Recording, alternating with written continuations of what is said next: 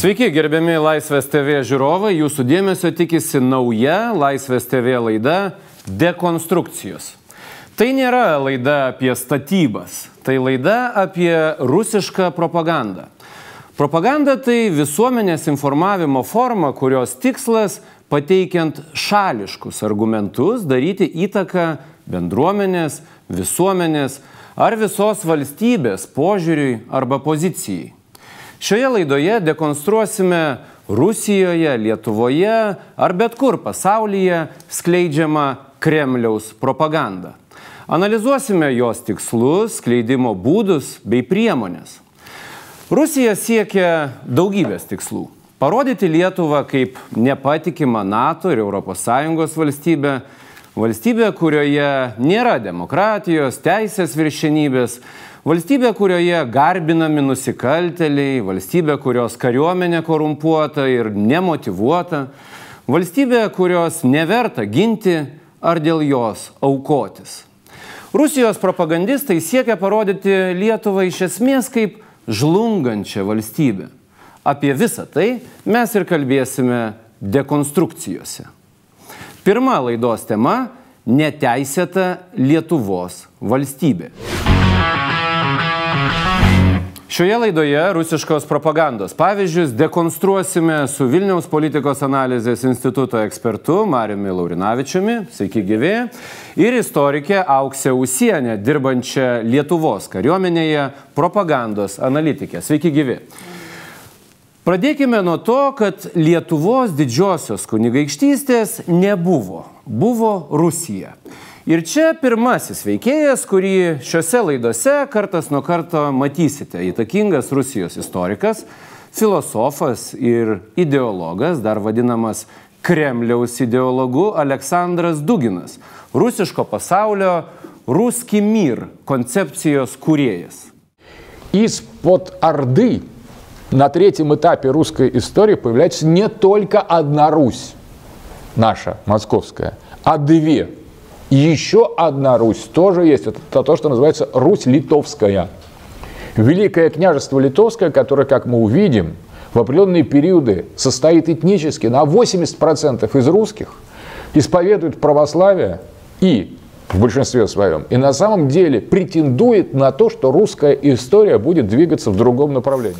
Taigi, e, tokios e, pono Dugino mintis, gal pirmiausia apie tikslą. Ką? Na, tai pirmiausia, turbūt reiktų sakyti, kad yra du tikslai. Vienas nukreiptas į vidinę auditoriją, tai tas didžiosios Rusijos valstybės, kuri per amžius buvo didžioji ir apskritai valdo vis ne visą pasaulį. Naratyvas jisai nuolat yra skleidžiamas įvairiausiais būdais, tai šitas irgi, kad čia ir viduramžiais buvo net trys Rusijos. O antras yra nukreiptas į Baltarusiją didžiąją dalim ir taip pat į Lietuvą, kad e, tokios kaip Lietuvos nebuvo, tai baltarusiams yra sakoma, kad čia yra jūsų valstybė. Ta, ta idėja, tarp kitko, labai gerai labai populiari tapo Baltarusijoje. Aš nesakau, kad jinai vien tik tai dėl to, kad Duginas sukonstravo tokią idėją yra populiari, bet jinai turi atgarsį. Ir jinai skirta Lietuvai, kad kaip ir turėtumėm čia pirmiausia turbūt prisiminti Ukrainos atvejį, kur irgi buvo skleidžiamas tas naratyvas, kol galiausiai jis atėjo į Putino lūpas ir Bukarešto NATO samite buvo tas garsusis pareiškimas, kad Ukrainos kaip valstybės nėra ir niekada nebuvo. Taip, čia yra e, svarbus e, turbūt momentas apskritai visos tos propagandos neikti e, valstybingumo tradiciją. Bet prie to dar prieisim turbūt ir kitose laidose. Šiandien tai, ką pasakė Duginas ir Auksė, jūsų nuomonė. Pavyzdžiui, Zenonas Norkus, filosofas ir istorikas, sako, kad Lietuva buvo nors ir nepasiskelbusi imperija, o imperijos, jos tradiciškai valdo žymiai didesnės žemės nei tik tai savo etninės žemės ir vertinti vien iš XIX amžiaus tautinės valstybės pozicijų Lietuvos didžios kunigaikštystės iš vis neįmanoma. Kaip jūs, e, na, pirmiausia, istoriškai vertinate tą pasakojimą apie tai, kad tai buvo lietuviška Rusija? Taip, Tai pirmiausia, reikėtų pasakyti, kad ta koncepcija ne Duginas sukūrė, jinai XIX amžiuje atsirado, tik, tik tiesiog Duginas ją plėtoja. Ir iš tikrųjų čia Zenonas Norkus teisus, nes Lietuvos didžioji kunigaikštystė, kada jinai jau tapo nuo jūros iki jūros, jinai turėjo visus imperijos bruožus. Tai reiškia, valdovai buvo vienos, kaip ir, sakykime, tautos atstovai ir plėtėsi į skirtingas gentis, skirtingas tautas. Ir čia Duginas ištraukia tik tai mažą detalę, kontekstą Lietuvos didžiosios kunigaikštystės, būtent nuo jūros iki jūros. Ir jisai sako, kad tai buvo Ruslitovskai argumentas pagrindinis, kad 80 procentų gyventojų buvo slavai, stačiatikiai tam tikrą prasme jisai teisus. Taip, čia ir yra turbūt propagandos taip, esmė. Taip. Propagandos viena iš esmių yra taip. šališkai pateikti Būtent. informaciją ir formuoti. Turi būti nuomonę. grūdas tiesos. Taip, taip visada Pateikia turi būti. KGB taip. vadovėliuose taip ir citata yra. Turi būti grūdas tiesos. Taip, tai tiesos čia yra. E, stačiatikiai, ortodoksai taip. buvo didžio, didi, e, didžioji dalis Lietuvos gyventojų. didžiosios kunigaikštystės gyventojų. Taip, tai čia yra faktas ir jisai tikrai yra neneigiamas. Bet čia būtent naudojamas kaip pagrindinis argumentas, nuneigiant, kas buvo tos valstybės kuriejai, kad jinai neatsirado iš karto tokioje teritorijoje, kad jinai atsirado Baltų krašte, faktiškai dabartinės Lietuvos sienose, kuriasi valstybė ir atsiranda jinai 13 amžiuje, visiškai ne 14, apie kurį jau kalba Duginas, kada jinai turi daug tų gyventojų. Ir reiškia, jie buvo baltai, jie buvo lietuviai, jie buvo su lietuviškais vardais, kuriuos mes turim, e, kurių neturi nei rusai, nei baltarusai. Čia toks argumentas iš tikrųjų kalbinis netgi, kad jie buvo, na, lietuviai. Ir istoriniuose šaltiniuose žinoma, kad tie mūsų valdovai, kur vėliau sako ir Baltarusiai tą teigia, ir, sakykime, Rusijos ta propaganda, kad ne va tai valdovai mūsų buvo rusai, tai visiškai yra paneigiamas būtent ta kalbinė prasme, nes šaltiniuose yra aiškiai pasakyta ir žinoma, kad netgi Vytautas su jo gaila, nenorėdami... Kad... Lutsko susitikime, taip, taip, yra, na nepasakyta, kad lietuvių kalba, bet taip, jie kalbėjo kalba, kurios niekas aplinkoje nesuprato ir mes, kadangi žinom, kad slavų tenai taip. buvo gausybė delegacijų, valstijų, buvo ir kitų valstybių atstovų, kurie suprato ir lenkiškai. Taip. Tikėtina, kad jie didžiausia tikimybė, jokia kita kalba jie kalbėti negali. Bet yra ir kiti šaltiniai, kad dar jo gailos vaikai kalbėjo lietuviškai.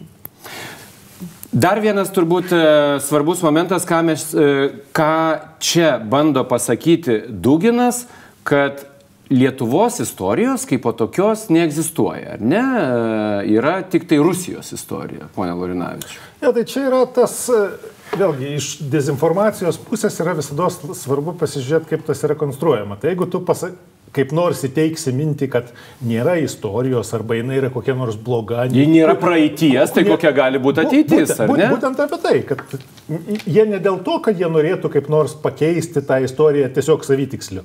Jie nori projektuoti tai į ateitį, o tam reikia paneigti istoriją arba pasakyti kitą dalis, sakykime, tos istorijos, kurie nuolat teigia, kad čia ne tik tai lietuviai, bet ir ten latviams tas pats, kad jie yra žydšaudžiai, kad ten e, su nacijais bendradavė, kad tu, jūs gėdytumėte tos, tos istorijos. Tai arba ją paneigti, arba gėdytumėte. Aš gal papildyčiau, kad e, norima pasakyti, kad nėra lietuviškos valstybingumo tradicijos. Nes, Nes yra neturi, tik rusiška taip, valstybingumo taip, tradicija. Taip, būtent. Nes jeigu nėra lietuviškos valstybingumo tradicijos, tai kokia jin tada yra? Tada lieka tik tai rusiška. Toliau dar vienas epizodas, e, ta pačia tema. Rusai kartu su lietuviais, čekais ir lenkais laimi Žalgirio mūšį. Памятная дата военной истории России.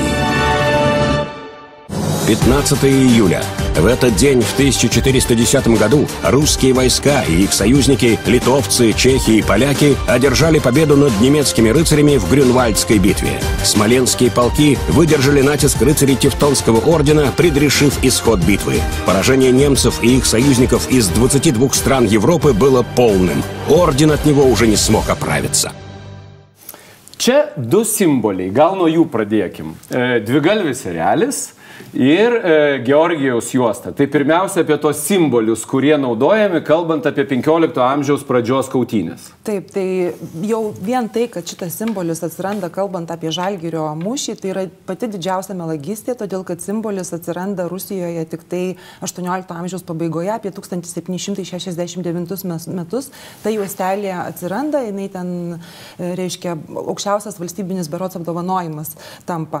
O štai čia jie nori įtvirtinti įtvirtinti tą simbolį, reiškia kaip kažkokiu pergalių simbolį ir čia aišku labai sėtina, manyčiau, su Ukraina. Rusijos karinės galios taip simbolis, labai sėtina su visų Ukrainos konfliktu, su visų karu. Ir reiškia, ir aišku, tas savinimasis, e, ta prasme, visų pergalių, kur tik tai, na, jų manimų prisidėjo rusai. Bet kas keiščiausia, netgi tas Smolensko pulkų, e, kur mes žinom net nuo sovietmečio naratyvas, jis jau yra klaidingas, rodant kažkokias rusų pergalės, nes Smolenskas tada priklausė Lietuvai, Lietuvos didžiai kunigaikštystiai, Ar bent, jau, ar bent jau pačia liberaliausia interpretacija buvo Lietuvos protektoratas. E, Bet kuriuo atveju buvo na, vienokia ar kitokia dalimi priklausomas nuo e, Lietuvos didžiosios kunigaikštystės. Tiesiog buvo mūsų Taip. valstybės dalis, kur vadovavo e, Smolensko pulkams Simonas Lengvenis, Jogailos brolis, reiškia, ir pabandytų tie pulkai tuo metu neiti į mūšį, kada valdovas kviečia, tai ten turbūt visiems galvos būtų nuliekę. Suprantat, bet va tą Rusijos propagandą nuo sovietinių laikų išnaudoja, kad parodyti rusų pergalę, o dabar jau ta Tie Smolensko pulkai virto į visos Rusijos pergalę. Tuo pačiu metu, kada šitie klipai pasirodo jau keletą metų, Maskvoje ant pastatų ir tokie reklaminiai stendai pastatyti, kur na, besikeičiantys, kur kalbama, kad Žalgirio mūšis yra Rusijos karo istorijos įsimintina data ir reiškia tai įtvirtinta net įstatymu. Ir beje, e, ta Georgijos juostelė tuose reklaminiuose stenduose irgi figuruoja. Toks karys ir ten, e, žodžiu, ta reklaminė juostelė. Dar apie žinią. E, Rusijos kariuomenės galybė. Pagrindinis akcentas, ar dar čia galima rasti kažko kito?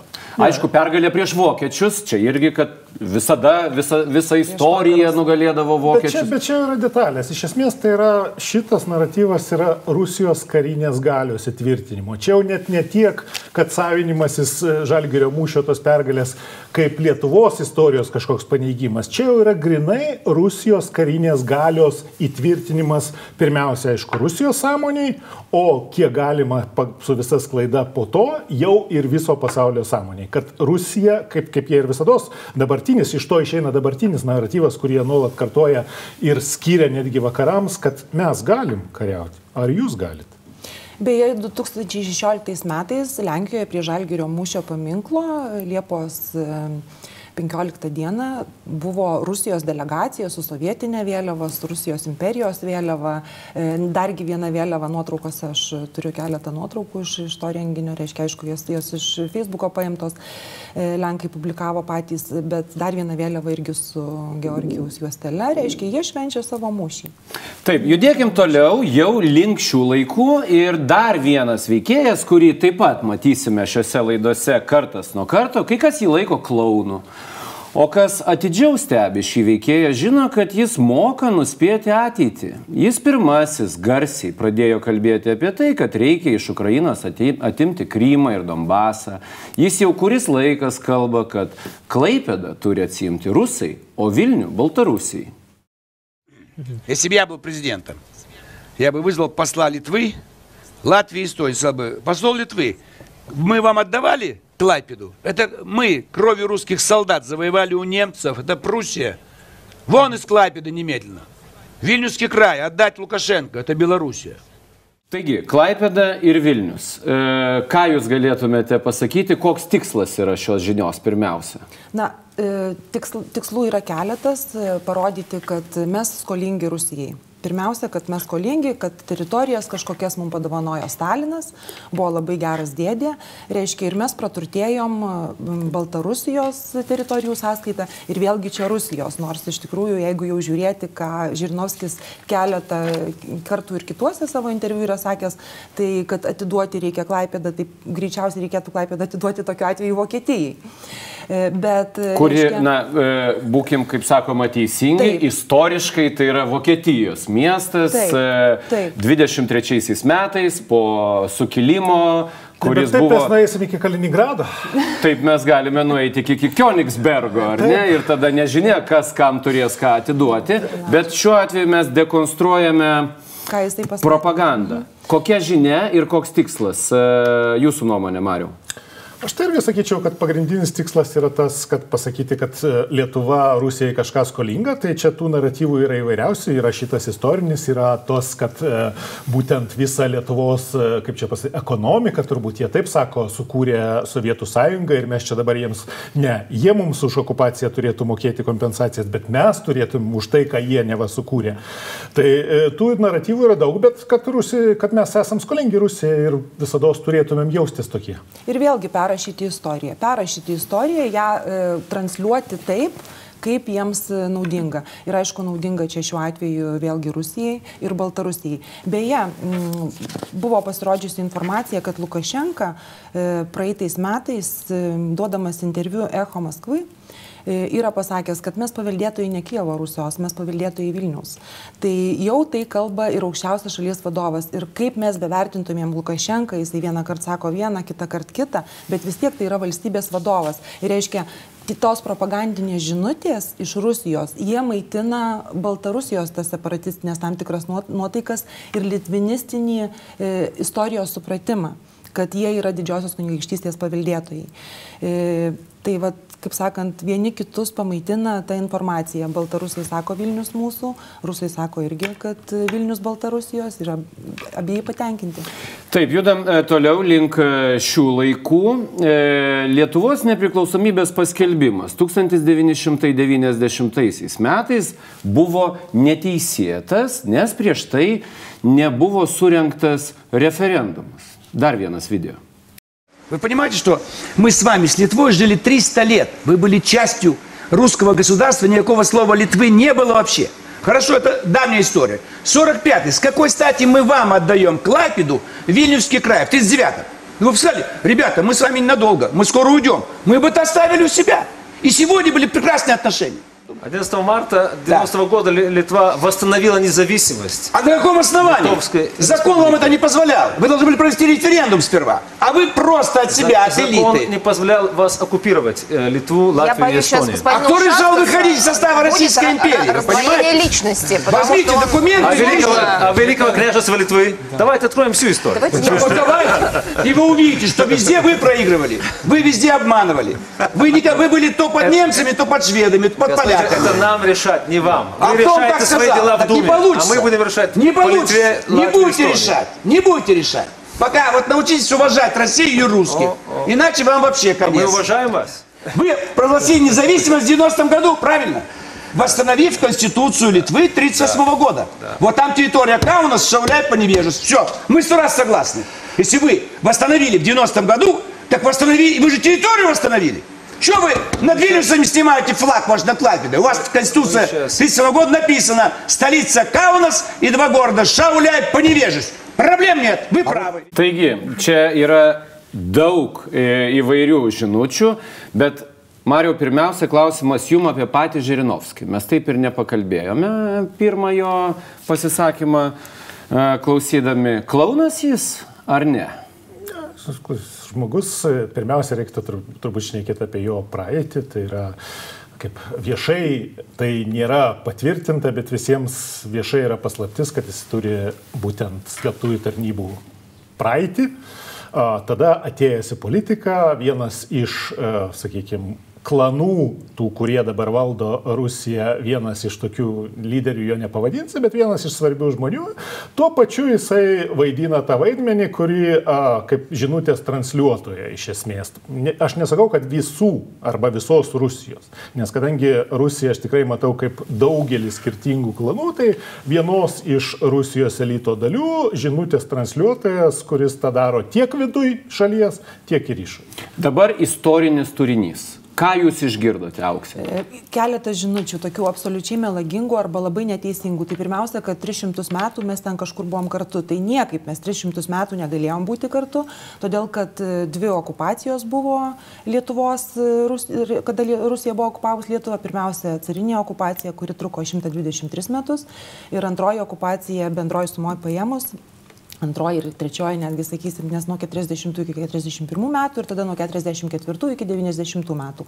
Tai reiškia 46 metus, tai niekaip į tuos 300 metų. Tai pirma melaginga žinutė. Antra, kad mes neturėjom teisės atstatyti nepriklausomybės. Tai arba nebuvo kažkokių įstatymų mums leidžiančių išeiti. Tai atsiprašau, bet okupanto niekas neklausė, reiškia, tai okupacija buvo neteisėta ir jų įstatymai buvo neteisėti. Ir okupacija yra pripažinta. E, tarp valstybinėje bendradarbiavimo sutartyje su Borisu Jelcinu, kurią pasirašė Maskvoje Vytautas Landsbergis 92 metais. Okupacijos faktas pripažintas teisiškai. Vat būtent. Aneksijos. Apskritai, Aneksijos, teisingai. apskritai reiškia, išplaukė okupacija iš Molotovo Ribbentropo pakto, ne, reiškia tų slaptųjų protokolų, kurie yra neteisėti, kurie buvo neteisėti, nes buvo dalinamasi Europa. Tai iš neteisės, pasak mūsų profesoriaus Dainių Žalimo, niekada nekyla teisė. E, Ir visi kiti įstatymai negalioja. E, Netgi jeigu imsim 40 metų, sakykime, tuos Seimo rinkimus irgi neteisėtus, jie jau tada vyko pagal Sovietų sąjungos įstatymus. Tai jau yra pažeidimas. Ta prasme, tarptautinės teisės. Ir tada, kada tauta yra okupuojama, jinai turi visas e, teisės sukilti arba kažkaip atstatyti savo nepriklausomybę, neatsiklausdama to okupanto, kada nu, va, tokios istorinės aplinkybės susiklosto. Mariu. Tuo labiau, kad sprendimas priimtas teisėtai ir demokratiškai išrinktos valdžios, tai yra parlamento. Taip. Būtent. Pirmoje, e, pirmą dieną susirinkęs teisėtai demokratiškai išrinktas parlamentas, atstovaujantis tautą, skelbė atkuriamą Lietuvos valstybę. Taip. Jisai pripažintas viso pasaulio, čia dabar šnekėti apie kažkokius neteisėtumus, tai čia yra čia tik tai Rusijos kažkokias, net nežinau, net, net, net Rusijoje tai yra, sakykime, tik tai dalies elito tokia propagandinė žinutė, kuri irgi žaidžia jų, jų matyti dar iš dalies ir vidaus e, interesams. Dar viena žinutė buvo apie sostinės, kad mes buvom su sostinė Kaunu, kurią buvom deklaravę. Ne, to Čia nebuvo. Čia yra absoliutus vėlgi melas, juoda propaganda, kaip galėtumėm sakyti, todėl kad Lietuva, kada 1918 metais kelbė nepriklausomybę, deklaracijoje aiškiai buvo pasakyta su sostinė Vilniuje.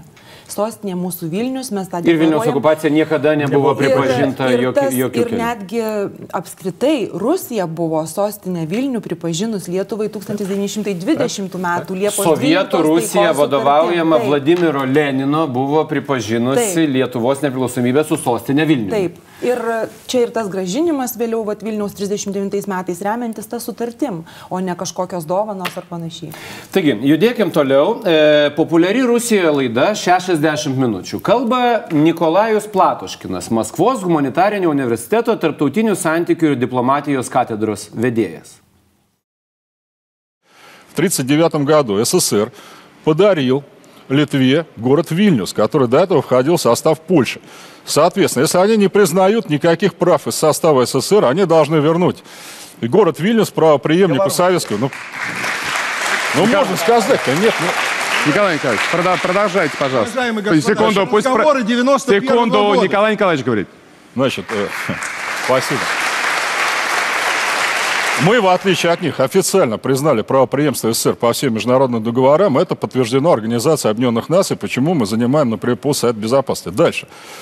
Мы честно пытались выяснить, когда Иосиф Виссарионович Сталин подарил Литве город Клайпеду, немецкий город Мемель, входивший в Калининградскую область, которая была присоединена к Со- к Союзу СССР. Мы не нашли ни одного документа. То есть Э, Сталин просто принял первого секретаря литовской компартии, тот сказал, у Литвы порта никакого нет, дайте мемель, Тот говорит, возьмите, все. Значит, дальше. Что касается выхода из состава СССР, в отличие от Украины, у нас был закон Союза СССР о порядке выхода из состава СССР. У них этого нет, у нас был. Все три Прибалтийские республики его признали абсолютно. Да? Почему? Потому что в то время они входили, и потом эти же люди возглавили независимые республики. Значит, смысл такой, выходите, но считаем объекты. Все, что построено за счет вашего бюджета, это ваше. Все остальное надо либо компенсировать, либо передать собственность Союза СССР. Внимание! Последнее. Более 60% жилого фонда этих республик построено союзным бюджетом. Им сейчас жить будет негде, если они вот этим будут заниматься. И, наконец, самое последнее. Есть одна мощная европейская страна, Украина, которая критикует, например, предложение Трампа о проведении референдума в Донбассе, говоря, что референдум об отделении какой-то части Украины может быть проведен только на всей территории страны. У нас такой референдум был 17 марта 1991 года, когда 77% населения СССР высказалось за сохранение Союза СССР. Поэтому, если мы все это выскажем в международных судах, Секунду. в международном суде, конечно, не СПЧ, там, в международном суде, значит, Литва теряет Клайпеду гарантированно, Вильнюс гарантированно, а они не расплатятся никогда. Так что, ребята, быстрее в суд, мы ждем вас. Taigi, Bistrėjev sud. E, Mariau, jūs juokitės, kodėl? E, čia, čia yra nutaikyta grinai į vidinę publiką, nes e, kalbėti apie kažkokią tarptautinę teisę tokiais terminais yra absoliučiai jokinga. Čia Jeigu būtų tokia galimybė kažkokio teismo, tai patikėkit, Rusija seniai būtų krei- kreipusis dėl tų teritorijų. Ir, e, reiškia, apskritai tos teritorinės pretenzijos, nu jos yra absurdiškos, nes, e, ką jau minėjau, Stalinas tikrai mums Vilniaus nedovanojo, gražino pagal tą sturį, sutartį, bet to šantažavo. Kada 39 metais vyko dėrybos dėl savitarpio pagalbos sutarties ir Raudonosios armijos įgulų į Lietuvą įvedimo, tai buvo šantažuojama, kad Vilnius bus atiduotas Baltarusijai, nes Lenkija jau okupuota, reiškia, antras pasaulinis karas prasidėjęs, e, sutriuškinta Lenkija, Vokietijos ir Sovietų sąjungos iš rytų pusės. Ir reiškia klausimas, kam tą Vilnių atiduoti ir aišku, Lietuvos delegacija, na, kaip sakant, priemė tą saldainį, nes tiesiog neturėjo kur dėtis. Tai čia net negali būti kalbos, nes jau Rusija anksčiau buvo tą Vilnių mums pripažinus.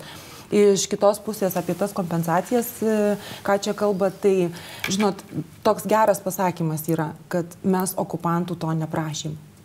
Mes tikrai neprašėm nei jokios pramonės, nieko. Jie nacionalizavo viską mūsų, kada jie mūsų užgrobė, e, jie sugriovė mūsų žemės ūkį. Jeigu žiūrim į tam tikras valstybės, kurios buvo tokioje padėtyje arba prastesnėje, sakykime, iki 40 metų, tai jos tikrai dabar daug geriau gyvena. Ir Lietuva turėjo irgi ir elektrifikacijos planus, ir kelių tiesimo planus, ir švietimo sistemos, ir netgi pensijų tam tikri e, įstatymų projektai buvo. Tai reiškia, mes būtumėm greičiausiai tuo normaliu europiniu keliu ir ėję į priekį. Ir tikrai okupantų tos pramonės, kuri apie 70 procentų buvo pajungta kariniam reikmėm, mes neprašėm. Po, taip. Čia šiaip yra iš vis labai ta, tas naratyvas, kad e, okupuota šalis turėtų mokėti kažkokias kompensacijas okupantui, tai čia yra iš vis turbūt nie- niekur pasaulyje negirdėtas, bet kalbant rimčiau. Taip, apie esmę, ar ne? Čia- Ką norima pasakyti visomis tomis žiniomis? Va čia ir yra esminis dalykas, kad tai tikrai nėra šiaip savo daroma. Tai yra daroma tam, kad čia jau nukreipta nebe į Lietuvą tikrai, o į vidinę. Kas nors auditoriją. gali pagalvoti, ko jūs šitos kvailius komentuojat, ar ne? Čia kažkokie kalba, bet jie kalba dažnai, dideliem auditorijom Taip. ir siunčia tuos pačius signalus. Ir tie signalai siun- siunčiami tikrai neatsitiktinai, jie siunčiami tam atveju, jeigu iš tikrųjų Rusija turėtų kokį nors ketinimų, o jie tokių kaip ketinimų tikrai niekada neatsisakė, aš labai tikiuosi, kad jie nebus įgyvendinti, imtis kokių nors okupacinių veiksmų. Tai yra žinutė vidiniai Rusijos auditorijai, kodėl mes ten einam. Nes tas klausimas, jisai net ir dabar Ukrainos kontekste, jisai karts nuo karto iškyla. Tai ką mes ten darom toj Ukrainai? Tai atsakymas yra Krymas istorijos, istorinės Rusijos žemės. Donbasas irgi iš, iš esmės yra ten visiškai rusiškas. Atsijėmam savo, Taip, me- kaip ir Lietuva, ar Taip, ne? taip. Jeigu ką, čiagi mūsų. Taip, taip, čia yra būtent tam. Rus Ir ta- Litovskaja. Ir tą būtinai suprast reikia. Prašau. Šiuo atveju reikėtų irgi kelt klausimą apskritai, kodėl tas informacinis karas prieš mus vykdomas ir vykdomas prieš vakarus. Tai aišku, irgi išplaukia iš Dugino geopolitikos tos koncepcijos, kad, na, Eurazija yra kažkoks centras ir būtų nuo vieno vandenino iki kito. Tai jisai yra 96 ar 7 e, tokią knygą parašęs geopolitikos pagrindai ir ten yra išdėstęs.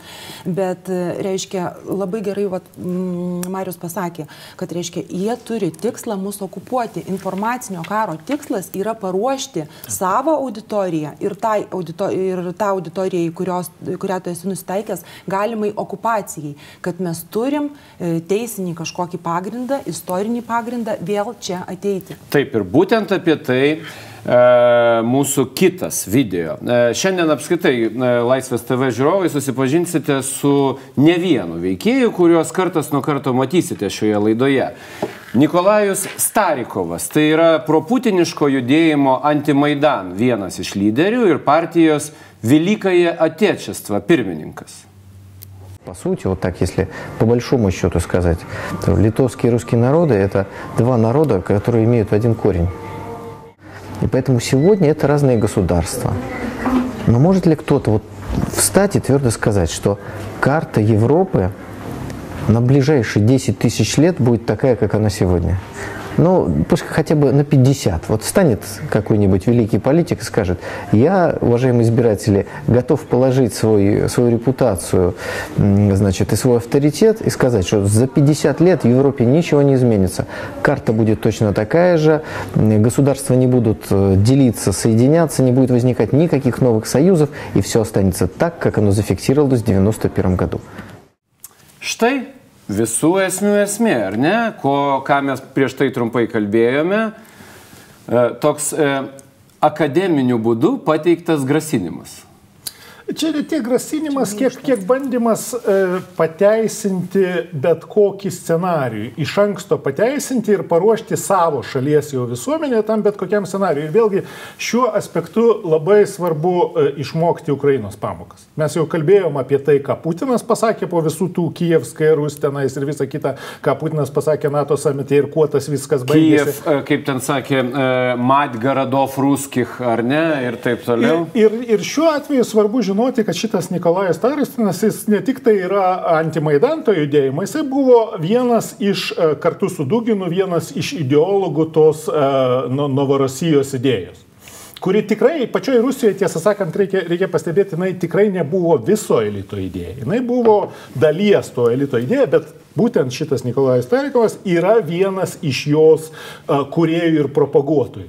Tai lygiai taip pat jie toliau skleidžia tą savo žinią, kaip jie prieš tai reikia tai suprasti, kad jeigu mes dabar kalbam apie 2014 metus, kai kažkas įvyko, tai uh, bent jau ta dalis ir būtent tikrai galima atsekti, kad Dauginas Tarikovas, visi tie žmonės ruošiasi tam, kas įvyko Kryme ir Donbase mažų mažiausiai nuo 2004 metų. Tai tai, ką, ką jie dabar šneka, reikia suprasti būtent tam kontekste, kad jie vėl kažkam ruošiasi. Aš sakau, aš dar kartą kartuoju, aš labai tikiuosi, kad tai neįvyks, bet jie vėl kažkam ruošiasi. Šitas video, kiek man žinoma, yra e, 2013 metų berots ir jisai kaip tik kalba jame apie Lietuvą, jisai tuo metu lankydavosi dar Lietuvoje. Ir pakankamai dar minkštas. Jisai čia net buvo Reiškia- atvykęs e, į tos e, keistus e, susirinkimus, kaip jie. Format A3. Fo- Taip, taip. Formatą 3, taip. Tai reiškia, jisai pakankamai minkštai ir aš čia dar išvelgčiau tą rusų pasaulio idėją, kas buvo Ukrainai transliuojama, ką vat sakė Marius, ir kas net ir Lietuvai buvo bandoma transliuoti, nes jis ten pasakojo irgi, kad jis važiavo traukiniu, jis pradėjo suprasti lietuviškai, labai panašios kalbos, reiškia ta pati rusų pasaulio idėja, pakankamai miš- minkštai. Bet jau po Krymo okupacijos aneksijos 2015 metais e, Starikovo retorika visiškai pasikeičia. Jisai sako, kad e, jūs turite irgi atiduoti mums Vilnių, turite atiduoti Klaipėdą, nes sienos valstybių pats kintamiausias dalykas pasaulyje. Ta jis iš esmės Taip, ir sako čia. sako čia, bet jisai jau vėliau, 15 metais, tai sako daug griežčiau. Ir sako, jeigu jūs norite kažkokios tarptautinės teisės laikytis, tai gerai, laikykimės, bet sako, mes norim, kad jinai būtų laikomasi jos nuo, e, nuo 1914 metų. Kada Rusijos imperija buvo teisėta, visi ją pripažino, reiškia, ir jinai sugriuvo neteisėtai, nes buvo pilietinis karas, reiškia, ir tada valstybės atgavo nepriklausomybę neteisėtai, nes imperija neteisėtai sugriuvo. Ir ta retorika jau keičiasi, jau jinai agresyvėja, kadangi jiem nepavyko su Ukraina viskas taip, kaip jie norėjo. Jie atplėšė Krymą, bet negavo visko, ko norėjo.